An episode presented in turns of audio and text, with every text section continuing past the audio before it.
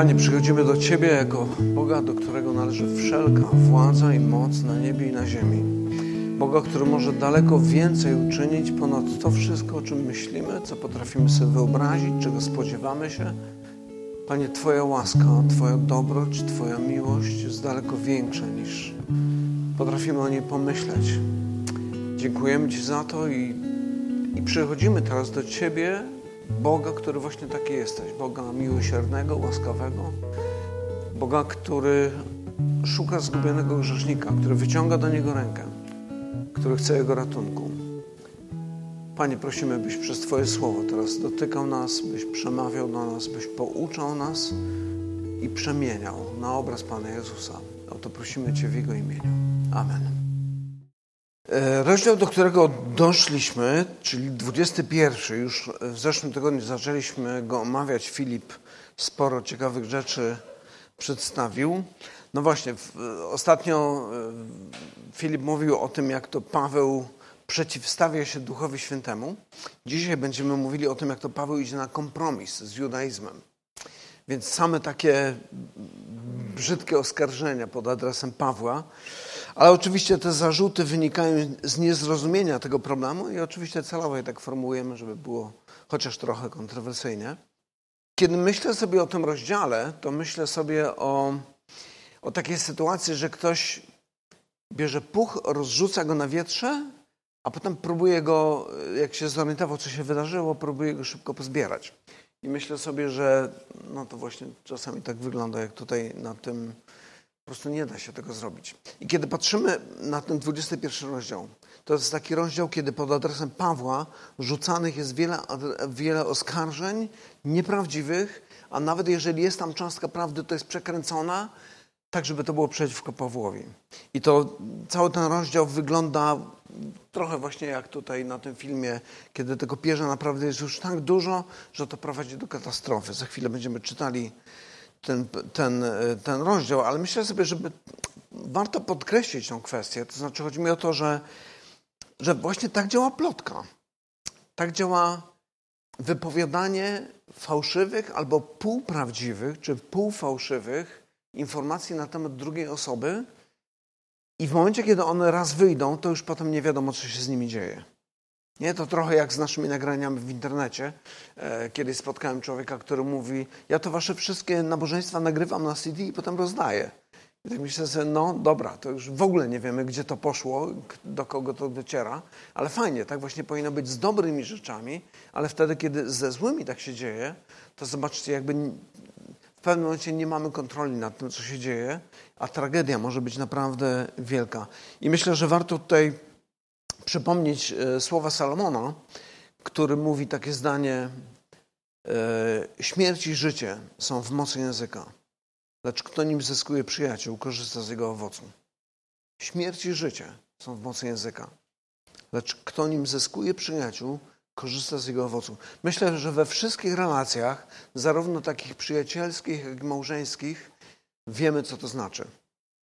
Czasami padają słowa, które, jak już zostały powiedziane, myślę, to już się nie da tego z powrotem gdzieś tam cofnąć. I no, słowo potrafią niszczyć, naprawdę potrafią niszczyć. Nie? Jest to taka krótka, bardzo ogólna obserwacja i jednocześnie przestroga. Przechodzimy do naszej sytuacji, w której jesteśmy. Paweł już właściwie trzecia podróż misji dobiegło końca. To już jest to już jest e, końcówka. Ostatnio Paweł przypływa do Tyru, potem dalej do Cezarei, z Cezarei do Jerozolimy i właściwie już dzisiaj cała akcja rozgrywa się w Jerozolimie i to już jest właściwie e, końcówka. I chciałbym, żebyśmy zobaczyli sobie, jak to mniej więcej, próbowali sobie wyobrazić, jak to mniej więcej mogło wyglądać. Przypomnę slajdy, na których możemy zobaczyć, jak mogła wyglądać świątynia, cały ten teren świątynny.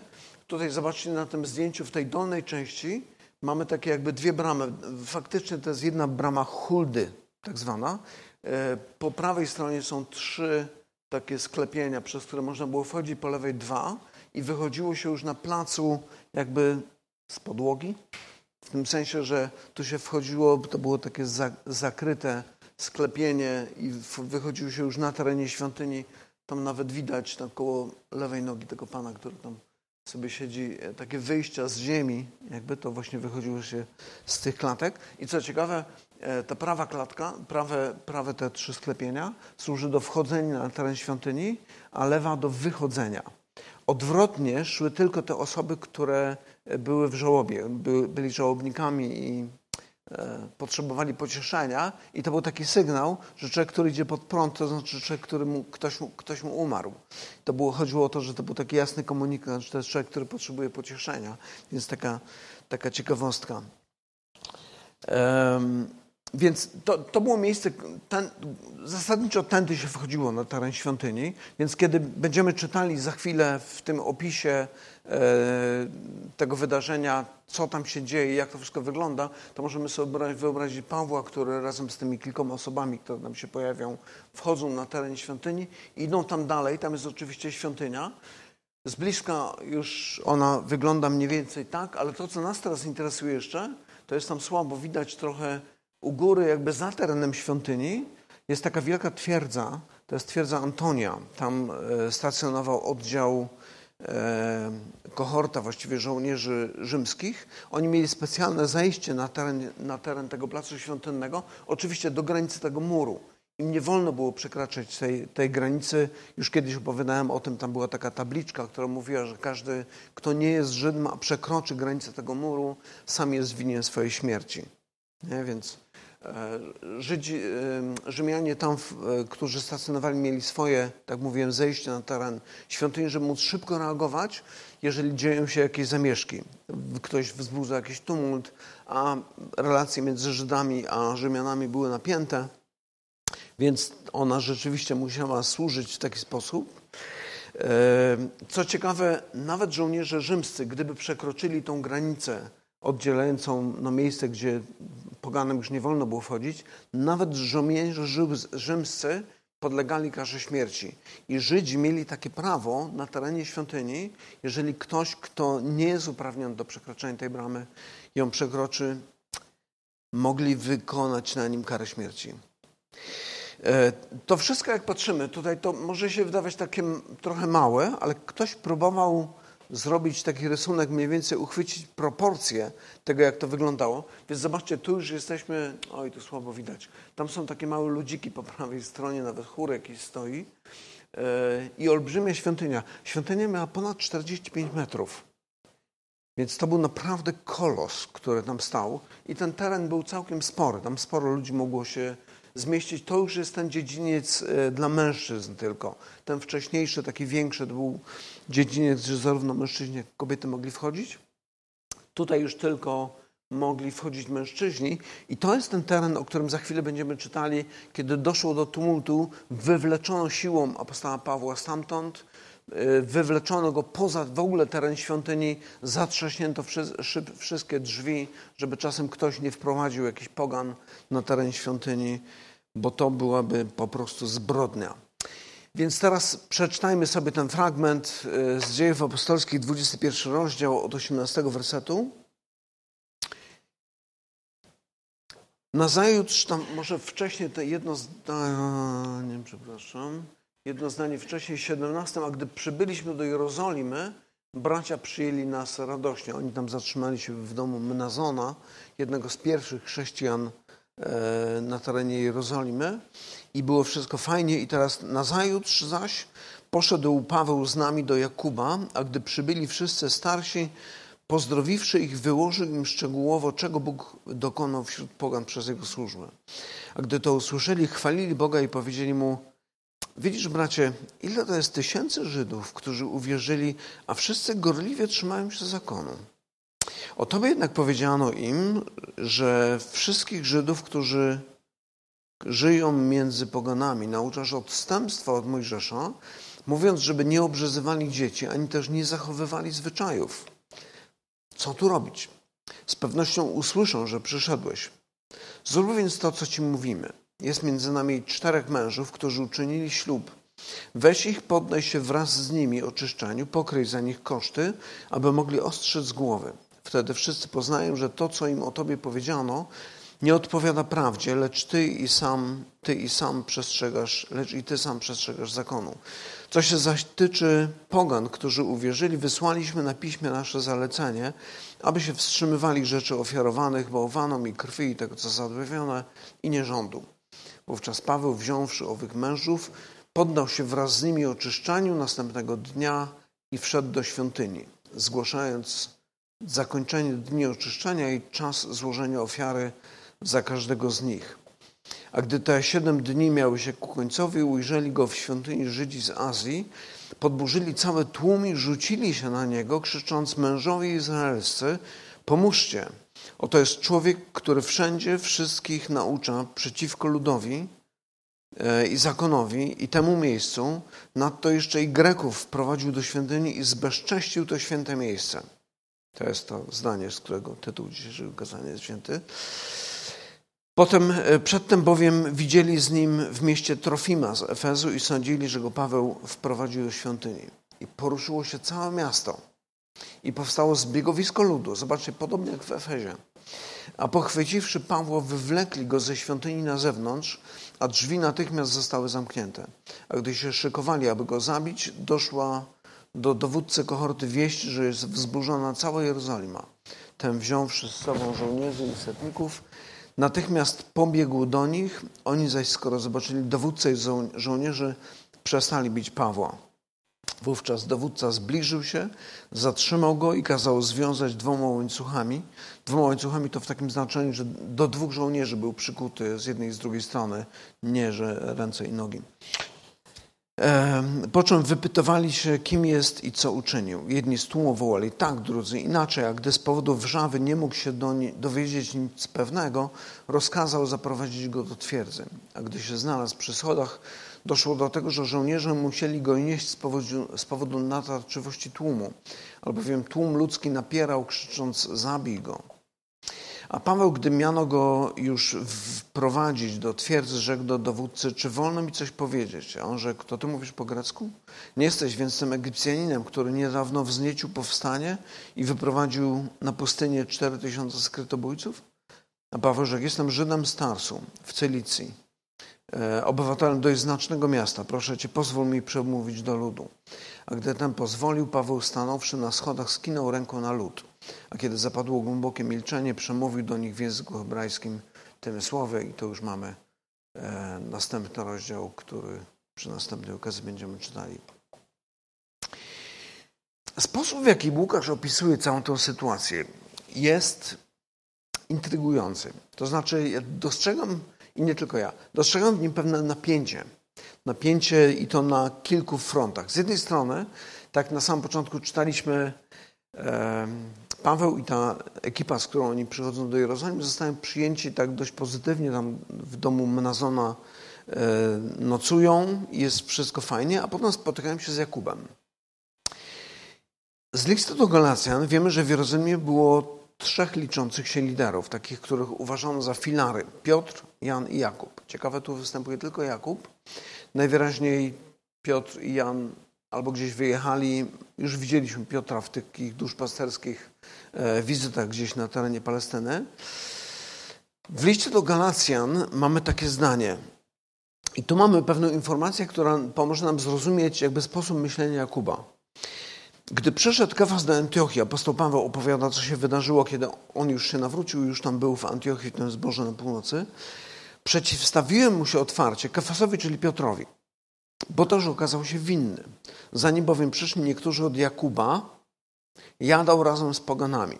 Czyli jakby zgodnie z duchem Ewangelii, który zjednoczył pogan i Żydów, a gdy przyszli, usunął się Piotr i odłączył od tych pogan z obawy przed tymi, którzy byli obrzezani a wraz z nimi obłudnie postąpili również pozostali Żydzi, także i Barnaba dał się wciągnąć w ich obłudę. A gdy spostrzegłem, że nie postępują zgodnie z prawdą Ewangelii, powiedziałem do Kefasa wobec wszystkich, jeżeli ty będąc Żydem po pogańsku żyjesz, a nie po żydowsku, czemuż zmuszasz pogan żyć po żydowsku? E, Jakub więc jest tym, wokół którego gromadzili się jacyś ludzie, którzy mieli takie skłonności do powracania do zakonu i trzymania się i pielęgnowania bardzo mocno prawa mojżeszowego. Do tego jeszcze powinniśmy dodać takie napięcie, które wydaje się, że w tym okresie było szczególnie podgrzana taka atmosfera. Chodzi o relacje żydowsko-pogańskie. Mamy tutaj w tym naszym tekście informację o tym Egipcjaninie, którego ten dowódca kohorty podejrzewa, że, że Paweł jest tym Egipcjaninem, który e, no, zorganizował jakichś skrytobójców, czyli po prostu zabójców, takich żołnierzy gromu, dzisiaj byśmy powiedzieli, nie? czyli ludzi, którzy po cichu tam realizują takie partyzanckie działania. Chodzi o to, że w tym czasie e, u władzy był Felix. Felix był człowiekiem, który, o którym Tacyt podobno napisał takie słowa, że sprawował władzę królewską z mentalnością niewolnika. Więc był takim człowiekiem, który może nie do końca wszystko rozumiał, trochę się bał, więc przesadnie reagował na sytuacje, które się działy i de facto nie potrafił rozwiązywać konfliktów i napięć, które powstawały w społeczeństwie, szczególnie w tej relacji pogańsko, pogańsko-żydowskiej. I ta sytuacja, o której wspomina ten dowódca kohorty, o tym Egipcjaninie, to była sytuacja, która polegała na tym, że ten Egipcjanin zgromadził dużą grupę ludzi, e, on uważał się za proroka i zgromadził dużą ludzi, grupę ludzi na wzgórzu oliwnym, które jest jakby jak świątynia była skierowana w kierunku wschodnim, góra oliwna była, dokład, oliwna była dokładnie po, dalej, jakby od świątyni teren szedł w dół i do góry to już była góra oliwna, tam właśnie było miejsce, gdzie Pan Jezus w ogrodzie Gotsemane się modlił i tak dalej. Na tej górze oliwnej ten Egipcjanin zgromadza tych ludzi i mówi im, słuchajcie, mury miasta runą. I wtedy wchodzimy i wyżynamy wszystkich Rzymian. Kiedy Felix się o tym dowiedział, wysłał żołnierzy, zrobił atak uprzedzający, wyrżnął całe to towarzystwo. Uciekł ten Egipcjanin. Więc teraz w momencie, kiedy ten dowódca kohorty mówi, to ty nie jesteś tym Egipcjaninem, w momencie, kiedy Paweł zaczyna mówić po grecku, to właśnie kojarzę to z tą sytuacją, ale to jest jedna z wielu sytuacji, czy jedna z wie, jeden z wielu powodów, dla których te stosunki rzymsko-żydowskie były naprawdę napięte. Oprócz tego w tamtym czasie działały też takie e, specjalne grupy zelotów. Zeloty, zeloci generalnie byli takimi wojowniczymi patriotami, ale wśród nich byli jeszcze, jeszcze specjalniejsi e, przedstawiciele tej grupy, których zadaniem było zabijanie Żydów, którzy kolaborowali z Rzymianami. Więc w ogóle atmosfera była bardzo napięta i chrześcijanie, którzy wywodzili się z żydostwa, którzy nawracali się, którzy przejmowali do swojego środowiska pogan, byli od razu na cenzurowanym. Więc atmosfera, w jakiej e, Paweł, który spędził ostatnie kilkanaście lat, jeżeli nie więcej, e, wśród pogan, przyjeżdża teraz do Jerozolimy, atmosfera w Jerozolimie jest napięta i, I, w tej atmosferze Jakub mówi: Słuchaj, mamy problem. Mamy problem. I to jest ten klimat, z którym Jakub wydaje się, że nie potrafił sobie do końca poradzić. Um, jeszcze jedna kwestia tutaj, która się wydaje zaskakująca, może niekoniecznie, ale trochę jest. To znaczy chodzi o to, że wiemy o tym, że Paweł przyjeżdżając do Jerozolimy przywozi dary od pogańskich zborów z powodu głodu, który to było kilka lat wcześniej, chyba prawie 10 lat temu. Ten głód miał miejsce na terenie Jerozolimy, ale skutki tego głodu najwyraźniej trwały jeszcze do dzisiaj, więc zbory pogańskie postanowiły zebrać ofiarę po to, żeby wesprzeć zbór w Jerozolimie. E, I teraz, kiedy czytamy ten nasz fragment, zobaczcie, Paweł idzie do Jakuba, razem z tą grupą. E, to w ogóle jest tak ciekawie sformułowane, bo e, Łukasz tutaj w tym fragmencie naszym mówi, nazajutrz poszedł Paweł z nami do Jakuba. Więc tak jakby, co Paweł nie chciał tam iść, no ale poszli. E, jest zero informacji na temat tej ofiary. I to jest, powiedziałbym, trochę dziwna sytuacja. To znaczy tak, tutaj mamy wyjście do Rzymian, zapowiedź tego, co apostoł Paweł robi, pisząc do Rzymian, mówi tak, teraz idę do Jerozolimy z posługą do świętych, Macedonia bowiem i Achaja, Macedonia i Achaja, czyli ten teren Koryntu i Aten, postanowiły urządzić składkę na ubogich wśród świętych w Jerozolimie. Gdy więc załatwię tę sprawę i doręczę im ten plan, wybiorę się do Hiszpanii, wstępując po drodze do Was. Więc mówi o planach na przyszłość, ale wspomina o tym, że jest tutaj zaangażowany przekazanie tej zbiórki. I później też, kiedy czytamy dalsze rozdziały dziejów apostolskich, widzimy, kiedy on staje przed Feliksem i tłumaczy mu, co się wydarzyło. Mówi, że przybyłem, aby mojemu narodowi przynieść jałmużnę i złożyć ofiary. Nie? Więc on mówi, przyszedłem z tymi ofiarami. Więc to nie jest tak, że te ofiary tu nie dotarły i dlatego Łukasz nie mówi o tym. On przyszedł z tymi ofiarami. E, więc jak próbuję sobie wyobrazić całą tą historię, no to oni no tak w klimacie żydowskim siadają przy takich niskich stołach, ale siadają na podłodze. Gdzieś te prawdopodobnie sakiewki z jakimiś pieniędzmi postawili, ale Łukasz w ogóle zero. Zero informacji na ten temat. Więc pytanie, co właściwie tutaj się dzieje? Um, pierwsze słowa, które padają od Jakuba, to zobaczcie, są te. Widzisz, bracie, ile to jest tysięcy Żydów, którzy uwierzyli, a wszyscy gorliwie trzymają się zakonu.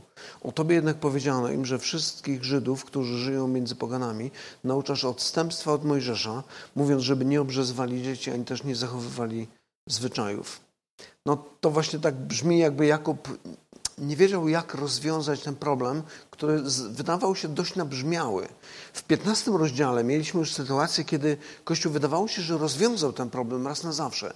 Napisali listy, nawet Jakub wspomina o tym, że listy zostały przekazane, ale dalej ta atmosfera jest. Ktoś rozpuszcza wiadomości na temat Pawła, że on właśnie postępuje w taki sposób, jak on tutaj mówi, e, że nauczasz odstępstwa od Mojżesza, mówisz, żeby nie obrzezywali dzieci, i też nie zachowywali zwyczajów. Myślę, że to, no, to myślę, że był dość poważny problem. I to myślę, że wywoływało napięcia w samym kościele. To znaczy pomiędzy tymi, którzy mieli skłonności wracania do zakonu i tymi, którzy raczej trzymali linię Pawła, która mówiła o wolności od tych wszystkich bardzo szczegółowych przepisów, które regulowały życie e, społeczne w Izraelu. I wydaje się, że to powoduje, że kwestia ofiary w ogóle gdzieś zostaje odsunięta na bok. Może też były jakieś takie poczucie, że coś tu jest niehalo. Zaraz o, o, tym powiem, ale jeszcze tutaj mam jeden werset z listu do Koryntian. To, Paweł, kiedy pisze list do Koryntian, prawdopodobnie pisze go z Efezu do Koryntu, do którego dopiero się wybiera. I pisze do nich tak, powiadamiając bracia o łasce Bożej, okazanej zborom macedońskim, iż mimo licznych utrapień, które wystawiły ich na próbę, niezwykła radość i skrajne ubóstwo ich przerodziły się w nadzwyczajne bogactwo ich ofiarności, gdyż w miarę możności, mogę to zaświadczyć, owszem, ponad możność, samorzutnie, usilnym naleganiem, dopraszając się od nas tej łaski, by mogli uczestniczyć w dziele miłosierdzia dla świętych. Więc zobaczcie, jak Paweł opisuje całą tą, no to, to dzieło miłosierdzia, którego dokonały te zbory, e, te zbory pogańskie. One to robiły z prawdziwym poświęceniem. I myślę, że Paweł i Łukasz zdają sobie sprawę z tego, jakim kosztem to wszystko zostało zorganizowane, w jakim kosztem zostały przewiezione te pieniądze tej do, do Jerozolimy, a mimo wszystko Łukasz w ogóle nie wspomina o tym. I myślę sobie tak, że nawet, nawet tego rodzaju pomoc zborów pogańskich przekazanych zborowi żydowskiemu nie mogło uzdrowić tej relacji, tych, tych napięć, tych wzajemnych podejrzeń, że coś tutaj jest niehalo z tym Pawłem, który podobno naucza odstępstwa od zakonu, nie pozwala obrzezywać dzieci i przestrzegać przepisów i zwyczajów żydowskich. I myślę, że tak, że rzeczywiście pieniądze nie były w stanie, nawet największa ofiara nie była w stanie rozwiązać tego problemu, ponieważ prawdziwe zjednoczenie pomiędzy Żydami i poganami jest możliwe tylko przez Ewangelię. I Paweł pisze o tym w liście do, do, do Efezjan bardzo wyraźnie. Mówi o tym, że w Chrystusie ten mur nieprzyjaźni został zburzony. Nic tutaj nie było w stanie inaczej tego tego problemu, tej segregacji rasowej, byśmy powiedzieli, rozwiązać. Powiedziałem tak, że przypuszczam, że mogło być tak, że ten 15 rozdział, kiedy czytaliśmy o tym, jak to apostołowie i starsi uzgodnili, do czego należy zobowiązywać pogan, a do czego nie trzeba, to było jakby uregulowanie nawet powiedział prawne w pewnym sensie, tych stosunków żydowsko-pogańskich, ale przypomina mi to trochę sytuację w Stanach Zjednoczonych, kiedy w pewnym momencie zlikwidowano segregację rasową między białymi i czarnymi. I formalnie sprawa była załatwiona, ale minęło jeszcze wiele, wiele lat, zanim te sprawy zaczęły w praktyce być realizowane. I myślę, że tutaj mogło być bardzo podobnie. Że to, czego było, to, co było naprawdę potrzebne, szczególnie po stronie tych żydowskich chrześcijan, było taka prawdziwa ewangeliczna dojrzałość. To znaczy umiejętność przełożenia sobie, co to znaczy, że ja przyjąłem Ewangelię. Co to znaczy, że Syn Boży stał się taki jak ja, oddał swoje życie za moje grzechy? Jak teraz ten fakt powinien wpływać na moje relacje z poganami? I myślę, że wielu z nich miało duży problem i długą drogę przed sobą, żeby ten proces gdzieś tam w głowie sobie przetworzyć i przejść do praktyki, czy do praktycznego zastosowania Ewangelii. A przykładem tego, że to była trudna sprawa, jest właśnie ta historia z Galacjan, o, przepraszam, z Antiochii, o której w liście do Galacjan Paweł pisał. Kiedy Piotr przybywa do Antiochii, potem przybywa Jakub i Piotr z obawy przed tymi od Jakuba odsuwa się od pogan. Więc zobaczcie, nawet Piotr miał problem z tym, żeby znaleźć praktyczne znaczenie tego, co to znaczy być człowiekiem uznającym czy wierzącym w Ewangelię. Nie? I cała ta sytuacja trochę, kiedy oni teraz przynoszą te pieniądze do Jerozolimy, przypomina mi znowu kolejna niezręczna sytuacja, e, tą historię albo przypowieść o miłosiernym Samarytaninie. Pamiętacie, Jezus ją odpowiada w odpowiedzi na pytanie, kto jest moim bliźnim? I pojawia się lewita, kapłan, którzy ignorują człowieka, który jest naprawdę w wielkiej potrzebie, ale pojawia się Samarytanin, ten nieczysty, ten mieszaniec, ten, którego miasta omijamy, żeby nie wchodzić do nich, bo oni są niegodni tego, żeby utrzymywać z nimi kontakt. On wyciąga rękę, on pomaga temu Żydowi, który leży gdzieś tam przy drodze i, i potrzebuje pomocy. I teraz mam podobną sytuację.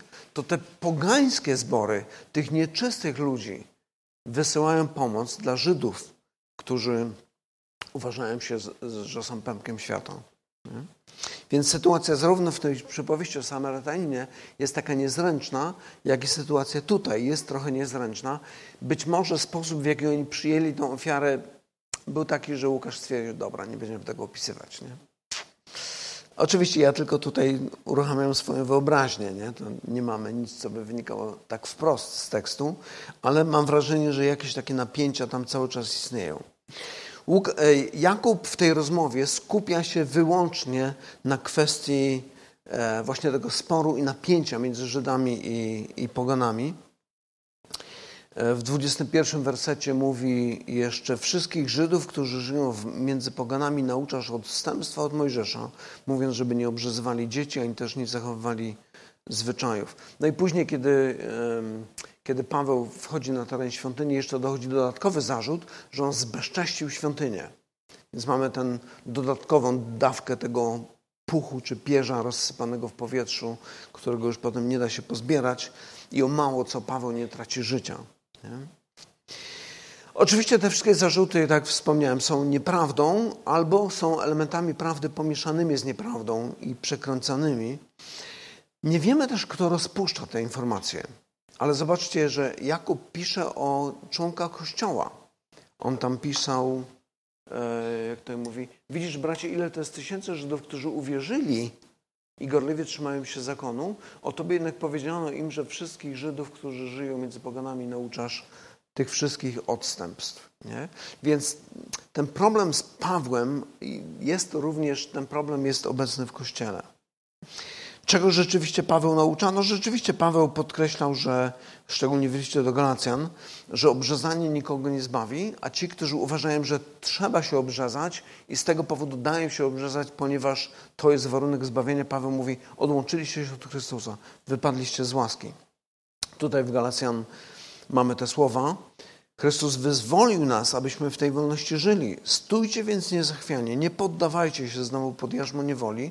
Oto ja, Paweł, powiadam wam, jeśli się dacie obrzezać, Chrystus wam nic nie pomoże.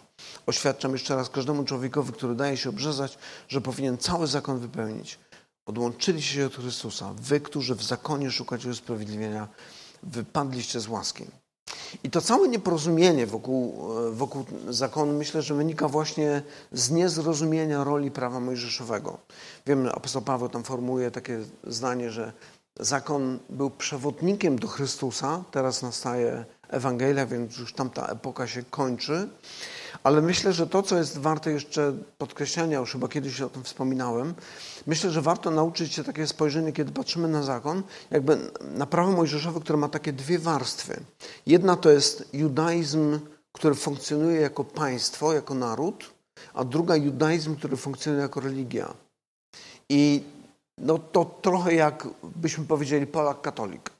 Nie? Bycie Polakiem znaczy być katolikiem. Nie? Powiązanie religii i polskości jest tak ścisłe, myślę, że bardzo podobnie, chociaż myślę, że w Izraelu jeszcze mocniejsze to było.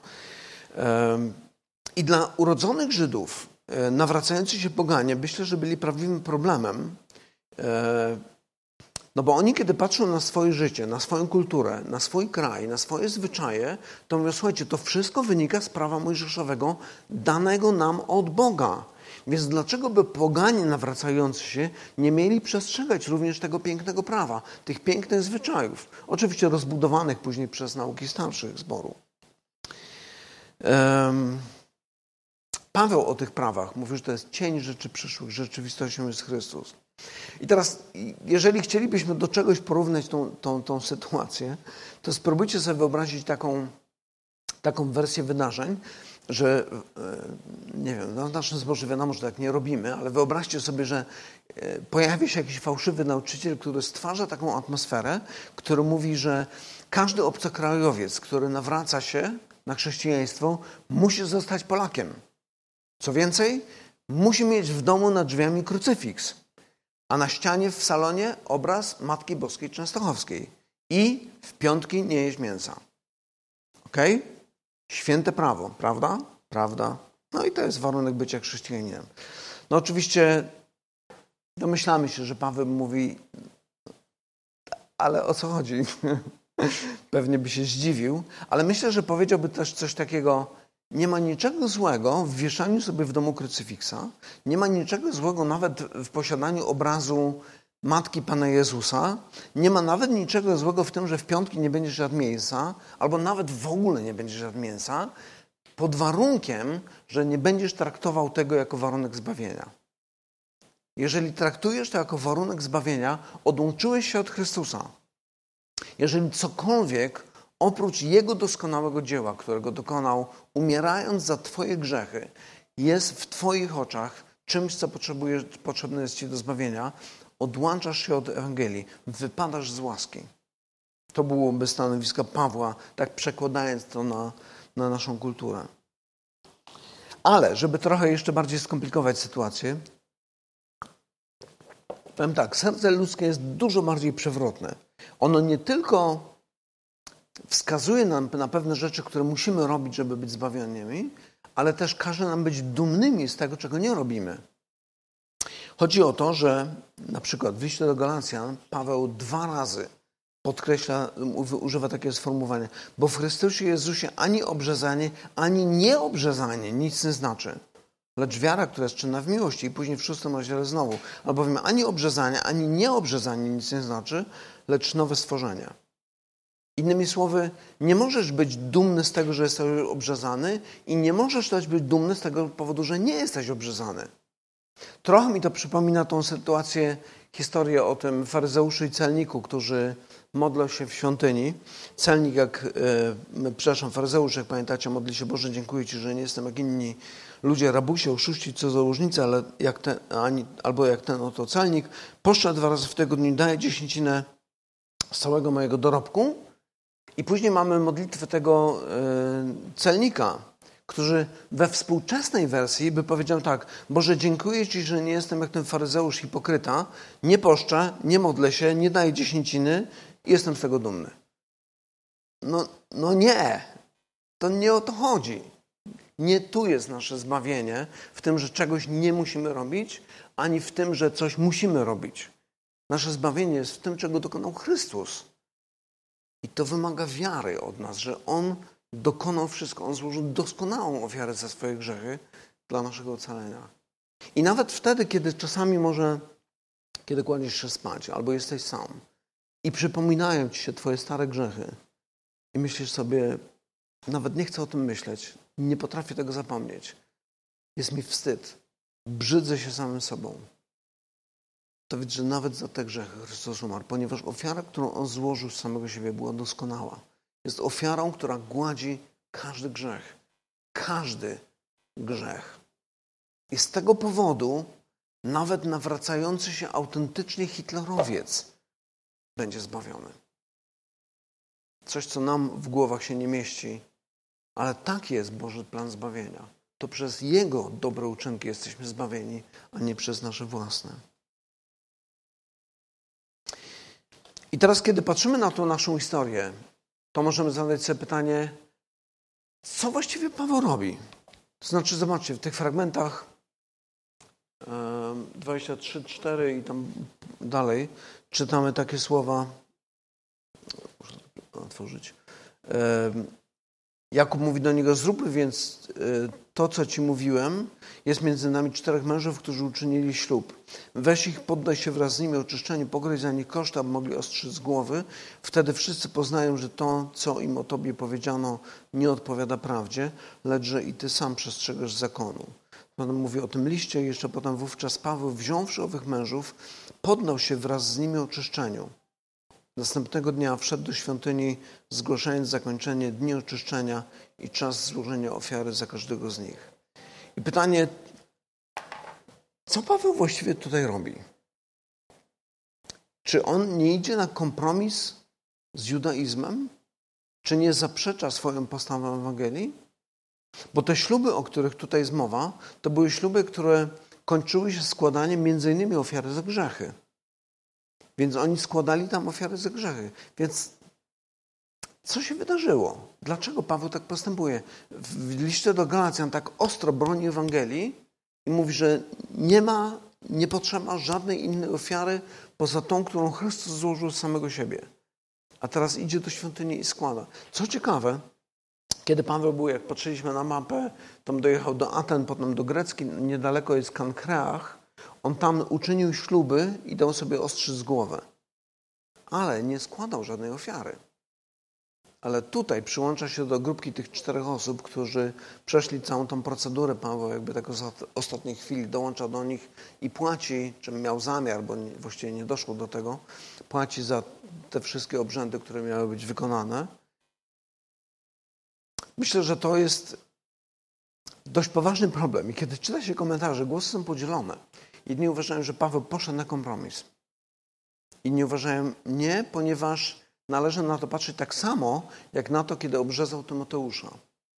Pamiętacie, Tymoteusza kazał obrzezać, Tytusa zabronił obrzezać, obrzezywać. Nie? Dlatego, że z Tymoteuszem mieli pracować między innymi wśród Żydów, więc żeby nie było żadnych nieporozumień, niedomówień, niepotrzebnego gadania, dokonuj obrzezania, i mogą pracować dalej bez problemu, ale w momencie, kiedy judaizujący chrześcijanie mówią, że Tytus powinien być obrzezany, Paweł mówi nie, ponieważ Ewangelia sprawia, że nie musimy tego więcej robić. Nie? I teraz, kiedy składa ofiarę razem z tymi ludźmi, niektórzy mówią, że zrobił to z tego samego powodu, jak wtedy, kiedy, kiedy kazał obrzezać Tymoteusza. Inni mówią, nie, poszedł na kompromis. Przeczytam wam jeden fragment, który wydaje mi się, że pomaga mi zrozumieć. U, to nie to. Czyli, dobra, nie wrzuciłem sobie tego, tego zdania. To jest z listu do Koryntian. A apostoł Paweł mówi takie słowa. Będąc wolny wobec wszystkich, oddałem się w niewolę wszystkim, abym jak najwięcej ludzi pozyskał. I stałem się dla Żydów jako Żyd, aby Żydów pozyskać. Dla tych, którzy są pod zakonem, jakbym był pod zakonem. Chociaż sam pod zakonem nie jestem aby tych, którzy są pod zakonem, pozyskać. Dla tych, którzy są bez zakonu, jakbym był bez zakonu, chociaż nie jestem bez zakonu Bożego, lecz pod zakonem Chrystusowym, aby pozyskać tych, którzy są bez zakonu. Dla słabych stałem się słaby, aby słabych pozyskać, dla wszystkich stałem się wszystkim, żeby tak czy owak, owak niektórych zbawić. A czynię to wszystko dla Ewangelii, aby uczestniczyć w jej zwiastowaniu. Zobaczcie, Paweł rezygnuje ze swojego prawa, nawet w pewnym sensie w oczach niektórych idzie na kompromis e, z innymi naukami, ale mówi, robię to wszystko dla Ewangelii. Byle tylko Chrystus był zwiastowany, żeby nie czynić przeszkód, żeby ludzie, żeby Kościół mógł się rozwijać. Co więcej, Paweł wiedział, że pamiętam tę poprzednia część rozdziału, Paweł wiedział, że idąc do Jerozolimy, to może się skończyć jego śmiercią. I Paweł mówi, to nie ma dla mnie znaczenia. Bylebym dokonał misji, do której powołał mnie Bóg. Co więcej, powołując mnie, powiedział, że będę cierpiał, że będę znosił prześladowania, że będę musiał uciekać, że będą mnie chłostać, biczować i może nawet zabiją. Ale jestem gotowy na to, ze względu na Chrystusa. I dla dobra Kościoła jestem gotowy poświęcić wszystko.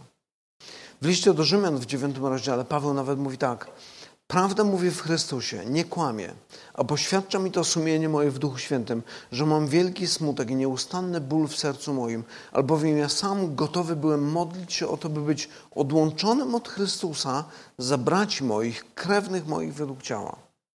Zobaczcie, jaki jest jego stosunek do jego własnego narodu. On mówi, jestem gotowy nawet pozwolić się odłączyć od Chrystusa, byle oni byli zbawieni. Oczywiście myślę, że to jest jakaś hiperbola, jakaś taka przesadnia, ale to pokazuje serce Pawła. Mówi, dla Ewangelii jestem gotowy zrobić wszystko. I teraz, kiedy patrzymy na Pawła, na to, co on robi, możemy sobie powiedzieć, no ja bym tak nie, nie potrafił. Ja bym chyba walczył o swoje prawa, ja bym chyba nie zrezygnował z tego, co ze swojej racji postawiłbym na swoim. I myślę, że jest to problem. Jest to problem współczesnego Kościoła. To znaczy problem, który, który chyba idzie w dwóch kierunkach. To znaczy, kiedy słyszymy tego rodzaju teksty, takie nawołania do tego, że powinniśmy być tak samo oddani jak apostoł Paweł albo jak Chrystus, to jedni idą w kierunku legalizmu i mówią tak, tak, tak, trzeba przestrzegać i tutaj zaczynają wymieniać przepisy, które muszą być spełnione. Inni z kolei mówią nie, tego się i tak nie da przestrzegać, więc dajmy sobie spokój. Zignorujmy to w ogóle trochę jak ten e, celnik, który się modli, Boże dziękuję, że nie jestem jak ten faryzeusz, nie poszczę, nie modlę się, nie daję dziesięciny i tak dalej, i tak dalej. I, I niczego nie robią, bo są wolni, bo mogą czegoś nie robić.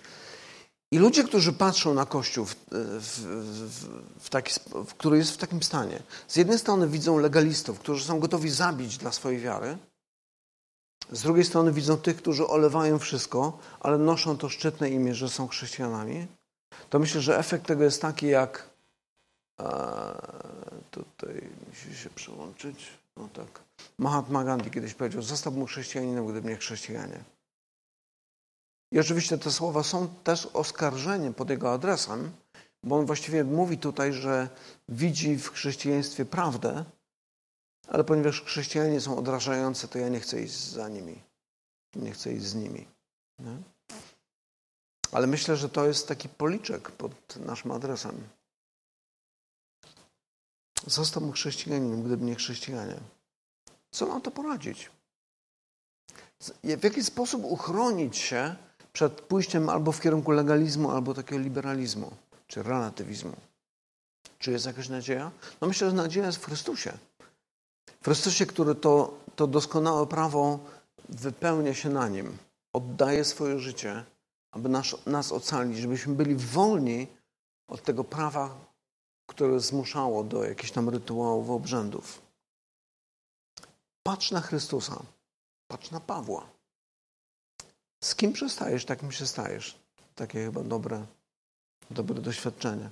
I ostatnia taka myśl, ilustracja Pablo Casals, taki słynny wiolonczelista.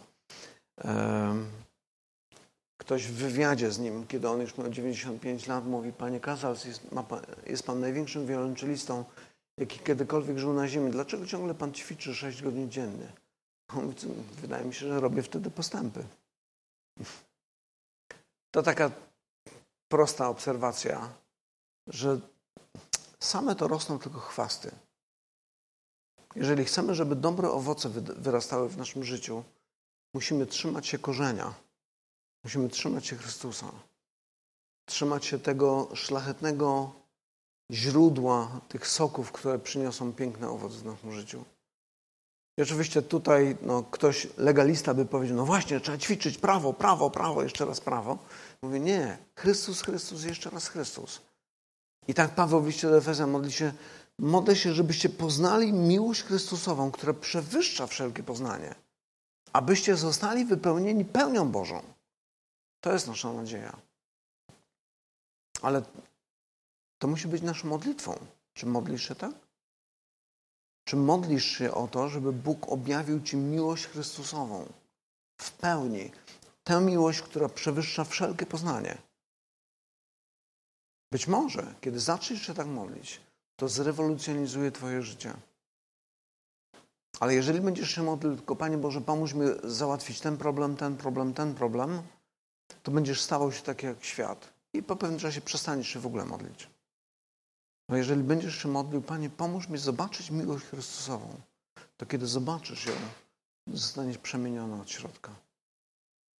I to jest też powód oczywiście, dla którego obchodzimy Wieczerzę Pańską. Wspominamy symbolicznie to, czego Chrystus dla nas dokonał. Bo kiedy patrzymy na Niego, nasze serce ulega przemianie. I to chcemy robić. Chcemy wspominać nasze odkupienie dokonane przez Chrystusa. Przeczytam jeszcze przed wieczerzą ten fragment, który zawsze czytamy przy tej okazji, gdzie apostoł Paweł mówi, ja przyjąłem od Pana to, co wam przekazałem, że Pan Jezus tej nocy, której był wydany, wziął chleb, podziękowawszy, złamał i rzekł, bierzcie, jedzcie, to jest ciało moje za was wydane, to czyńcie na pamiątkę moją. Podobnie kielich po mówiąc, ten kielich to nowe przymierze. Nowe przymierze nowe przymierze we krwi mojej. To czynicie, ilekroć pić będziecie na pamiątkę moją. Albowiem ten chleb, gdy, ilekroć ten chleb jecie, z kielicha tego pijecie, śmierć pańską zwiastujecie, aż przyjdzie. Przeto ktokolwiek by jadł i pił z kielicha pańskiego niegodnie, winien będzie ciała i krwi pańskiej. Niechże więc człowiek samego siebie doświadcza. I tak niech jest chleba tego i z kielicha tego pije. Albowiem kto je i pije niegodnie, nie rozróżniając ciała pańskiego, sąd własny je i pije. Więc zachęcam do tego, byśmy w trakcie, kiedy będziemy śpiewali pieśni, podchodzili do stołu i wiecie, bierzemy kawałek, moczymy w winie i spożywamy. Ale nie koncentrujcie się na tym symbolu. Skupcie się na Chrystusie, który oddał za was swoje życie. Przelał za was, za ciebie swoją krew. Pomódlmy się jeszcze. Panie, dziękujemy Ci za to, czego dokonałeś dla nas. Kiedy patrzymy na życie pierwszego Kościoła, kiedy patrzymy na ludzi, którzy doświadczyli tak wielu okrucieństw z powodu tego, że poszli za Tobą, tym jedynym prawdziwym Bogiem, no trudno jest wyjść z podziwu, ale też z drugiej strony zawstydza nas to, kiedy patrzymy, jak wiele poświęcili pierwsi chrześcijanie jak z wielką gorliwością służyli Tobie i sobie nawzajem. Panie, prosimy Cię o to, żeby ta prawda o tym, czego Ty dokonałeś dla nas, była czymś, co naprawdę głęboko zakorzenione jest w naszych sercach, czymś, co żyje tam, czymś, co wydaje obficy plon, obfity owoc, który przyniesie Tobie chwałę. Prosimy, przemieniaj nas od środka i spraw, byśmy byli podobni do Jezusa. By ludzie patrząc na nasze życie mówili, ten człowiek jest inny. Chciałbym wiedzieć dlaczego. Daj Panie, by nasze życie mogło być ozdobą Ewangelii. Ozdobą, która będzie dla jednych wonią ku śmierci, a dla innych wonią roznoszącą się ku życiu. Ale daj, by jeszcze wiele osób przez naszą wierność Tobie, posłuszeństwo Tobie mogło przyjść do poznania Ciebie jako swojego Zbawiciela. Prosimy, prowadź nas tym i pomóż nam być takimi, by nasze życie nie przynosiło Tobie wstydu, ale było właśnie ozdobą Twojej nauki. Prosimy o to w imieniu Jezusa i błogosław cały ten czas, który teraz spędzimy wokół chleba, kielicha i przemawiaj do nas, pouczaj, przemieniaj nas dla chwały Twojego imienia. Amen.